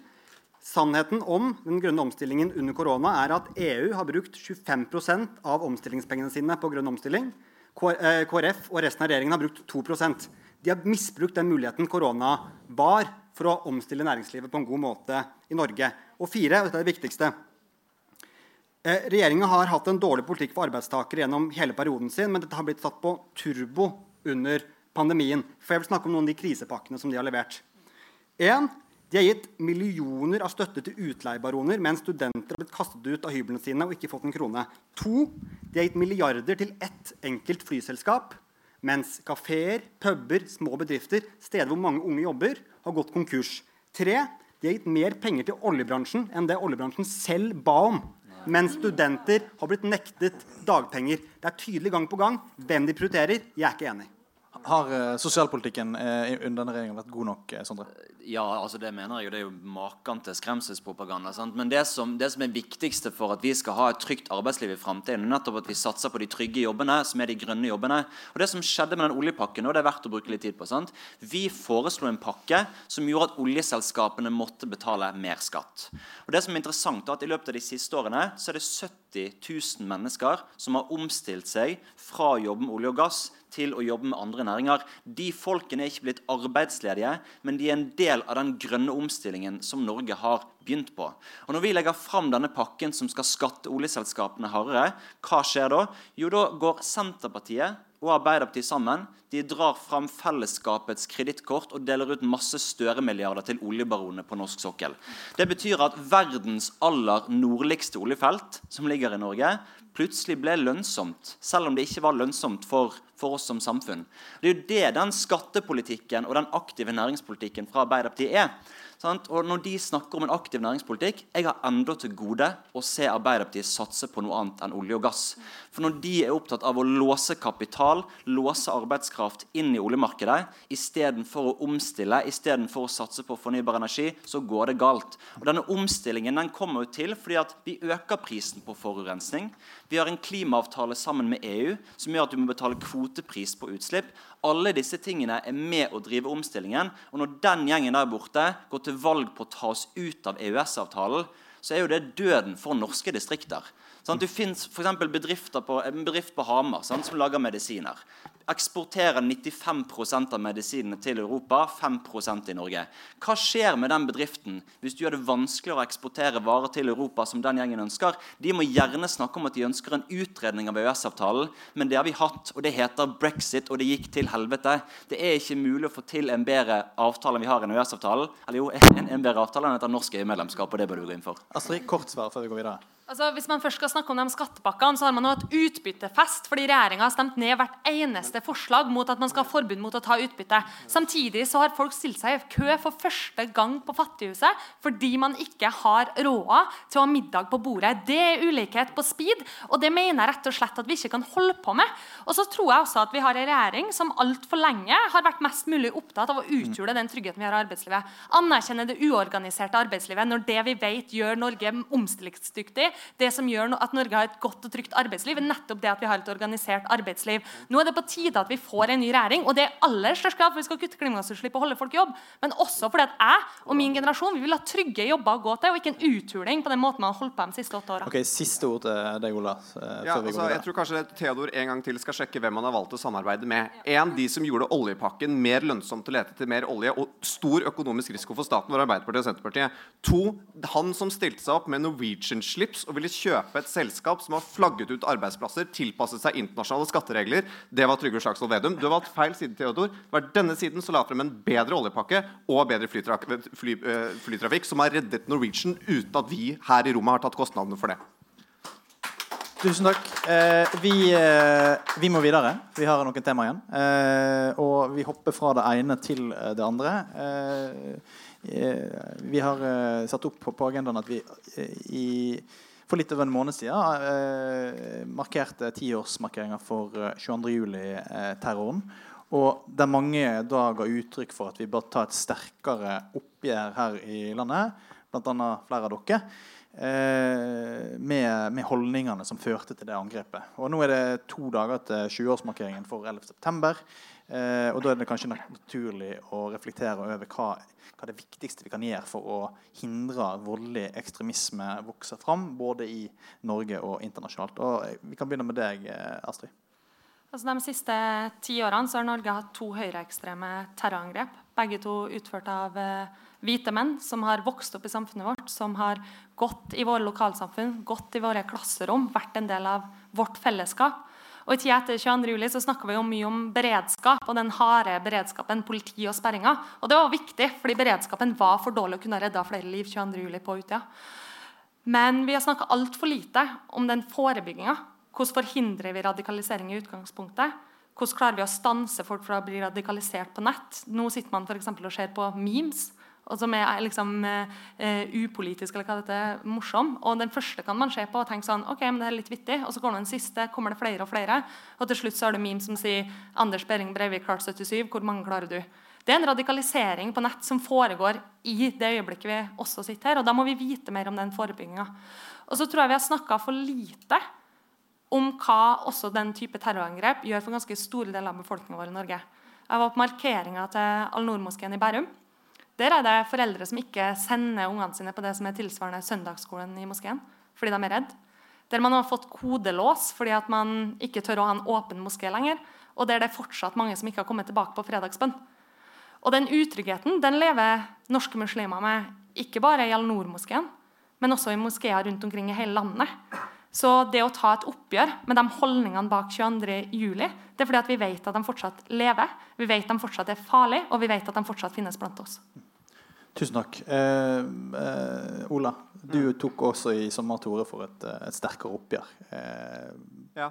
Kan du fortelle litt mer om det? Nei, altså det, det, jeg tror på en måte har en, si, endte opp med å bli hovedpoenget Det som har vært det største problemet, er at det, det norske samfunnet ikke har lytta til det som faktisk har vært tidsvitne etter det største høyreekstreme terrorangrepet på norsk jord 22.07. Eh, eh, og at vi har over 500 nesten 500 mennesker som, som overlevde eh, terrorangrepet på Utøya.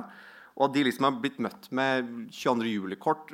Sånn, og det er, det er de si, beste delene av det. En tredjedel sier at de er møtt med hat.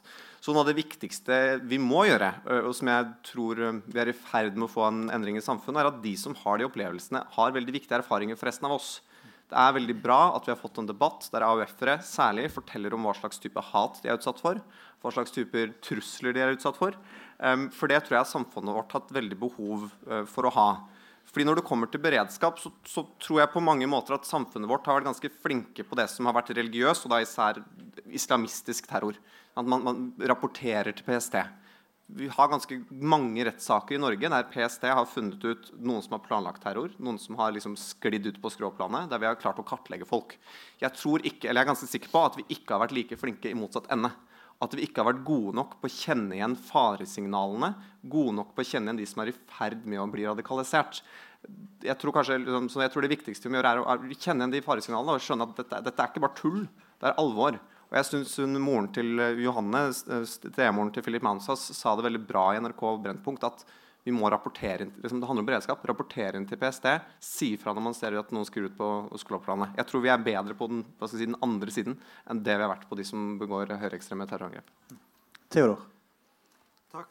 Jeg, jeg, tror, jeg, tror, hvordan vi tar et oppgjør med å lære av 22.07, kommer til å definere oss veldig som samfunn ja, de neste tiårene. Enten det gjelder beredskap, som har vært innpå, utenforskap, eh, radikalisering, psykisk helse for så vidt. Men også, som Astrid var inne på, hvilke holdninger som vi aksepterer. Og som, hvilke holdninger som på en måte gjøres stuerene i politikken og ikke. Og jeg tror dessverre at en lærdom fra 22.07. er at rasismen ikke er død i Norge. Det det finnes ingen rasistiske partier i Norge, men det finnes krefter i norsk politikk som kommer med uttalelser som de vet er populære i de mørkeste, farligste og mest konspiratoriske kreftene i norsk politikk. Og jeg tror ikke at vi klarer å ta et oppgjør med rasisme i Norge, enten det er den eksplisitt voldelige rasismen, eller de strukturene i samfunnet som holder folk, enkelte deler av befolkningen nede, hvis ikke alle som er politiske forbilder for noen i Norge, aktivt tar et oppgjør med de holdningene. Og jeg skulle gjerne sett at vi var der, men jeg, vi, vi, er ikke der i dag. Det finnes politikere i Norge som har makt, og som har vært ministre og som sitter på Stortinget, som kommer med uttalelser som snakker om korstog, og som lefler med Eurabia-teorier, og som fortsatt får lov å ha makt i eget parti. Mm. Og jeg tror ikke vi kommer oss vekk fra rasisme i Norge hvis ikke det slår, uh, slås hardere ned på. Andreas, hvordan kan vi ta et sterkere oppgjør med de holdningene som, uh, som har ført til vold i, i Norge? Eh, jeg mener at vi må være veldig tydelige på hvor det samla etablerte politiske Norge står. Eh, og hvor grensa går. Og der har jo Frp vært eh, veldig tydelig i alle år. Og vi har vært nødt til å være veldig tydelige på det også. fordi det har kommet veldig mange anklager fra f.eks. Eh, som Grønn Ungdom nå, at vi har politikere som snakker om korstog. Altså, det mener jeg at Jeg tror at vi drar liksom, debatten på et feilspor når vi på en måte når, når, vi, når, det er det vi begynner å snakke om. da eh, Fordi jeg mener at et samla politisk eh, Norge står bak eh, det liberale demokratiet, for å si det sånn. Eh, og det tror jeg egentlig alle de som sitter i panelet, også vet. Men jeg vil si når det kommer til 22. juli-debatten, så mener jeg at vi må høre på hva vi faktisk sier.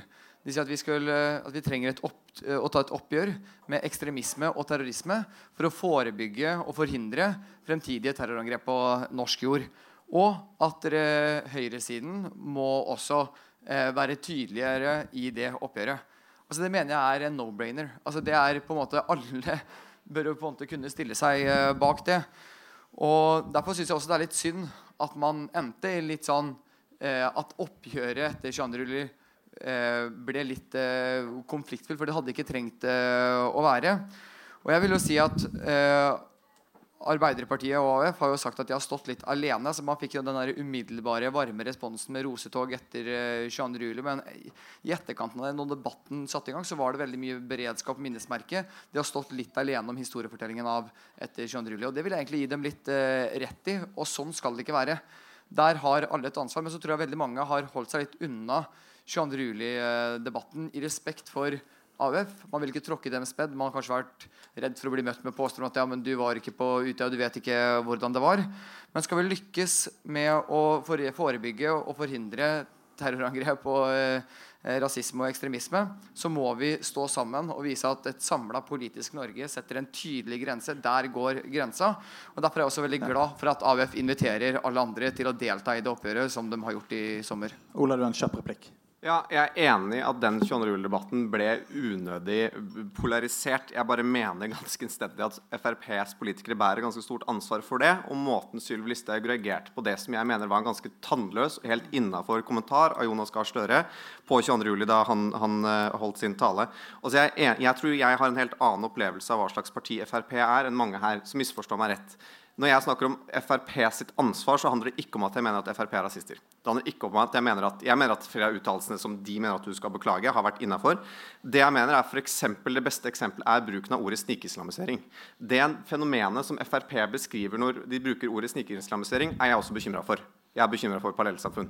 Men når man får tilbakemeldinger fra AUF-ere, fra overlevende, om at det ordet bidrar til at de får mer hat, til at de får mer trusler, og man ser at det ordet sprer seg av høyreekstreme eh, miljøer, så bryr jeg meg egentlig ikke så mye om hva slags partier vi er. Jeg mener at det i seg selv er et godt nok argument hvorfor man burde slutte å bruke det ordet. Edel Marie. Yes. Eh, stiller meg helt bak det Ola sier der. Og jeg var også en av de som syntes det var helt enormt vanskelig å skulle snakke eller skrive om 22. juli, rett og slett fordi jeg ikke fant ordene. Eh, og jeg vil bare si tusen tusen takk til Astrid og til AUF, for dere åpna rommet helt enormt eh, ved å si at vi ikke sitter med alle svarene nødvendigvis, men vi trenger flere stemmer inn. Eh, og det er ikke bare AUF sitt ansvar å ta med fortellinga om 22. juli videre. Dere har eh, dere har historien, og dere skal eie den. Men vi har et ansvar for å ta et oppgjør med, med de holdningene, med de verdiene, med, de, med, det hatet som skjedde 22.07. Eh, og jeg tror Hvis vi skal på en måte gjøre det litt sånn praktisk, da, så er noe av det viktigste vi gjør, det er kampen mot eh, utenforskap. Og Der kan vi ha litt ulike løsninger vi, oss partiene imellom, men jeg tror det viktigste er at vi har det som felles mål eh, og ser det på en måte. Hvis jeg skal gjøre det igjen mer konkret, den offentlige debatten at vi får flere stemmer inn. For akkurat nå så er det veldig mange stemmer som vi ikke har med i den offentlige debatten. Norge er et mer mangfoldig samfunn, men vi vet at veldig mange som går utafor normen, opplever å få hets og hat når de uttaler seg. Om det er AUF-ere Helt grusomt å lese hvordan mange blir møtt på stand i valgkampen. Det er et demokratisk problem. Men om du er jøde, kristen eller muslim, så kan det også være eh, vans vanskelig å faktisk være ute i den offentlige debatten hvis du er i et mindretall. Så det å ivareta mindretallene også, også når vi er uenige, ha et godt debattklima, det tror jeg er kjempeviktig i tida fremover. At vi eh, andre tenker hvem er det som mangler i denne debatten, og er med på å gi dem rom. Mm. Eh, vi må faktisk gå videre, eh, så, for vi skal snakke om internasjonal solidaritet. Eh, så vi hopper fra, til det neste siste temaet, eh, før dere skal få holde noen korte avslutningsappeller på 30 sekunder. Eh, koronapandemien har ramma verdens fattige veldig hardt, og klimaendringene rammer òg verdens fattige aller hardest. Eh, og da To spørsmål. Eh, har Norge gjort nok for å sikre rettferdig fordeling av vaksine?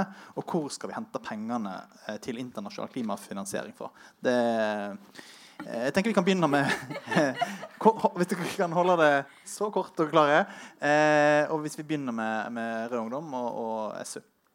Eh, til det første spørsmålet nei, vi har ikke gjort nok. Norge gikk mot å dele oppskriften. Det synes jeg er helt uh, tøysete når man står i en global pandemi og er mennesker som fortsatt dør, og vi langt ifra er over uh, koronaen internasjonalt. Men det var helt åpenbart at man selvsagt skulle dele uh, oppskriften og lempe på de Herregud?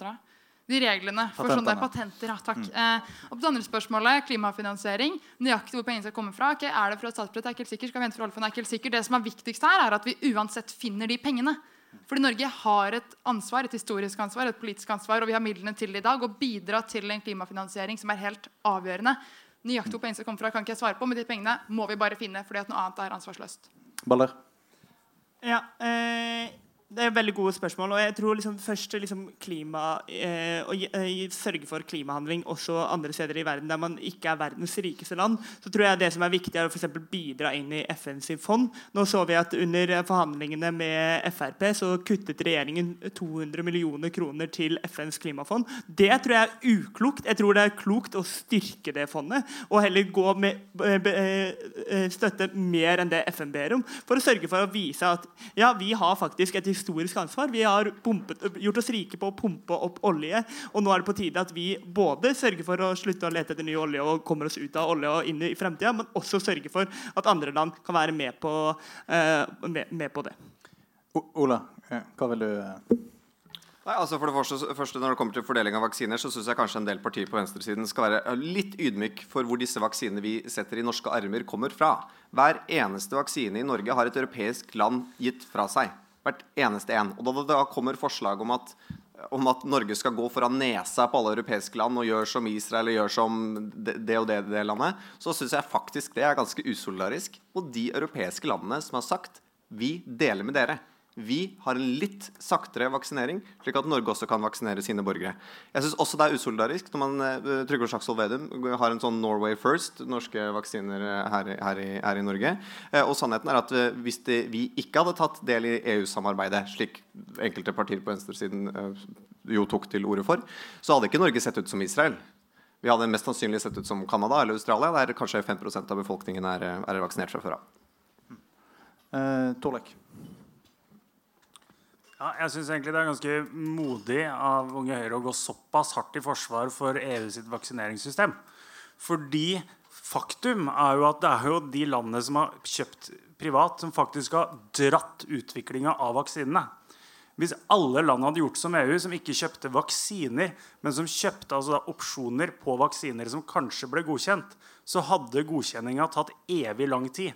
Men fordi land som USA, som land som eh, England, som Israel kjøpte vaksiner, kom produksjonen i gang, og produksjonen ble billigere for andre.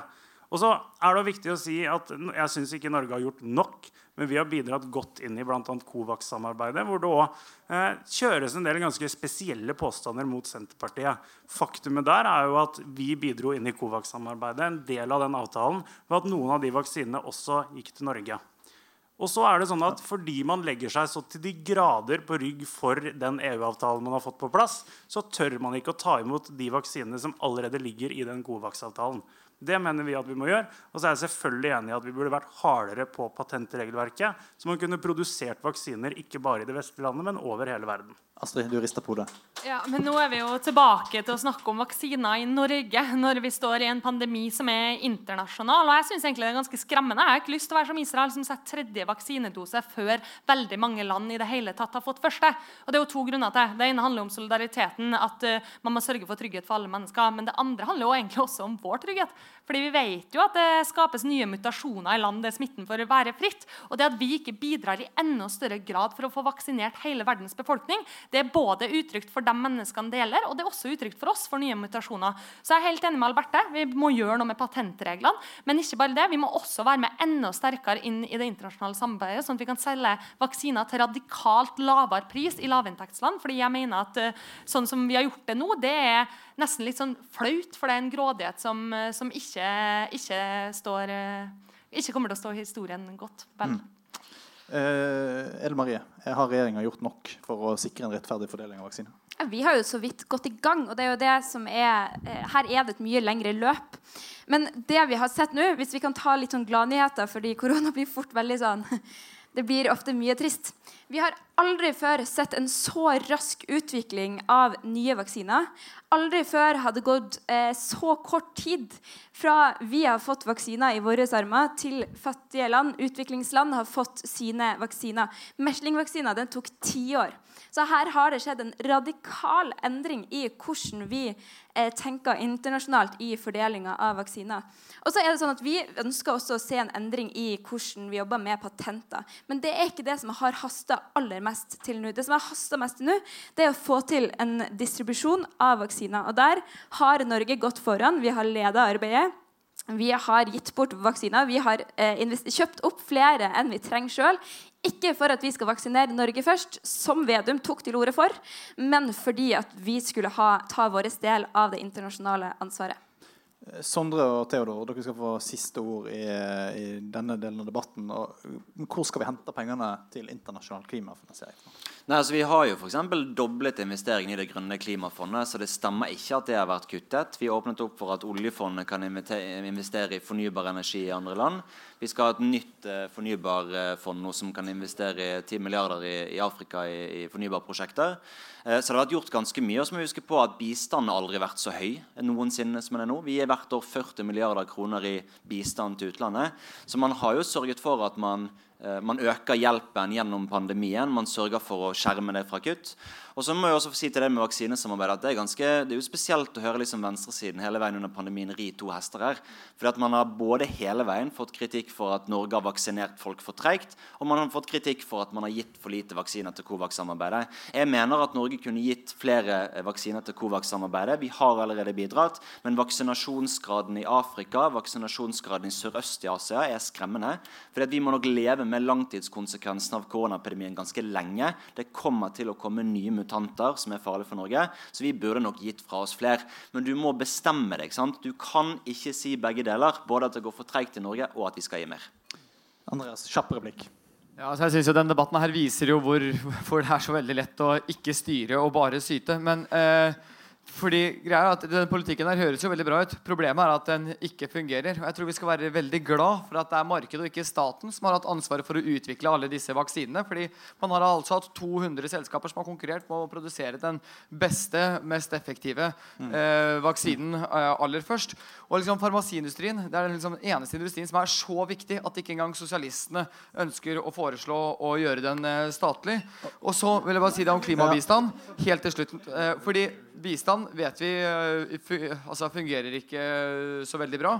Men akkurat klimabistand Eh, den tror jeg vi kan, eh, bør satse mer på. At vi må vri mer av bistanden over på klima. F.eks. Kina, som eh, de neste årene skal eh, bygge 121 nye kullkraftverk. Altså, der må vi kanskje sette inn støtet fremfor å legge ned norsk olje. Skal Theodor få siste ordet før eh, Andreas igjen skal få ordet og begynne å ta sin sluttappell, og så tar vi det fra høyre mot venstre. Theodor. Takk. Først kort om vaksiner. Eh, Jeg syns egentlig det er en skam at eh, vi ikke tok mer initiativ til å få mer jevn fordeling av vaksinene i verden. Alle vi i rommet her som ikke er i risikogruppe, burde ikke fått vaksine ennå. Når det er masse land i verden som nesten ikke har startet å vaksinere sine. Og så er det over på det internasjonale klimapolitikken som vi skulle snakke om her. Eh, For oss i Norge handler det om fire ting. Det handler én om at vi skal gjøre våre kutt her.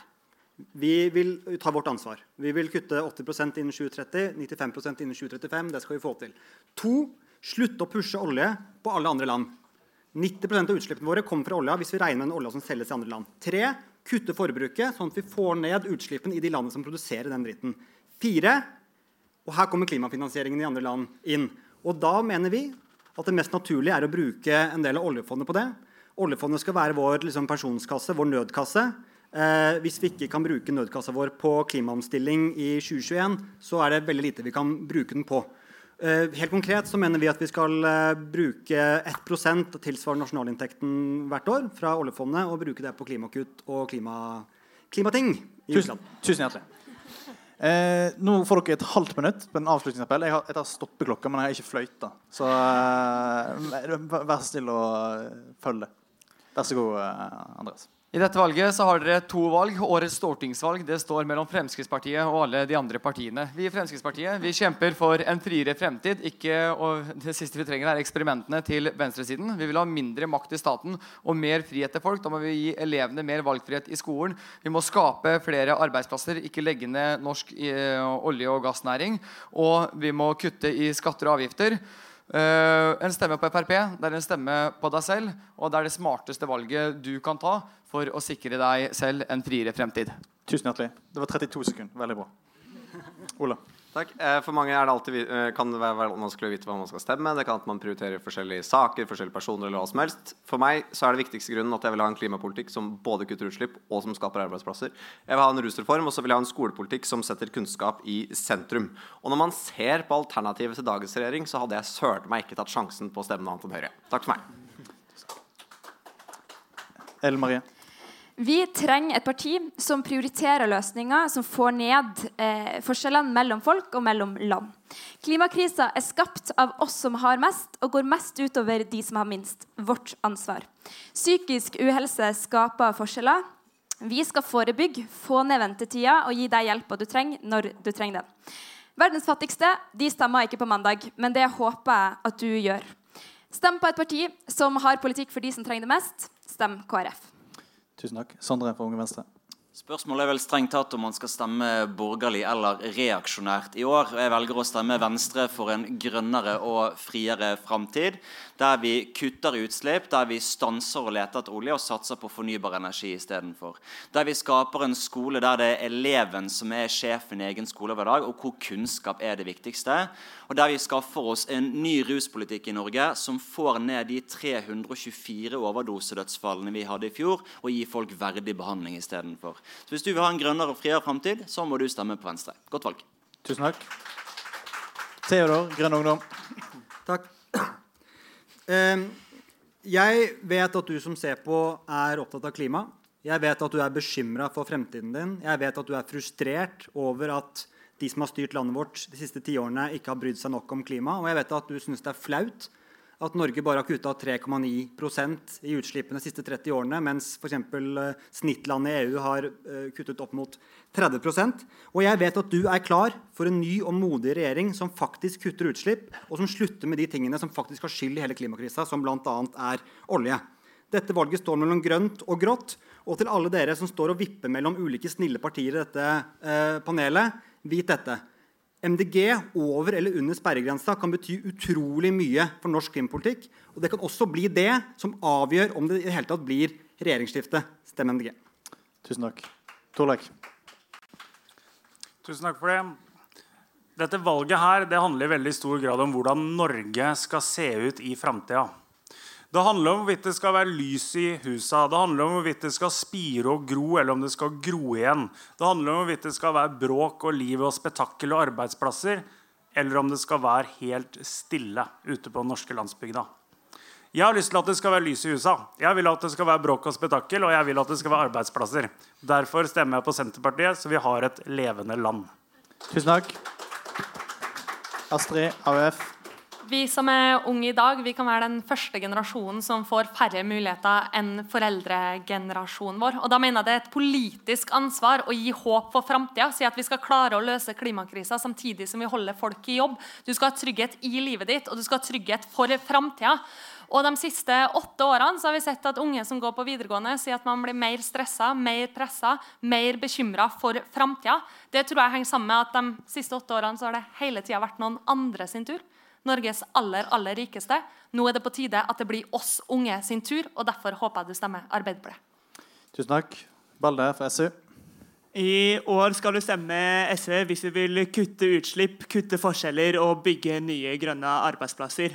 Men eh, du skal ikke bare stemme på Norges største klimaparti, du kan også stemme på Norges største feministiske parti. Fordi vi har en alvorlig utfordring her i Norge. Én av ti opplever å bli voldtatt i løpet av livet. Halvparten før de fyller 18 år.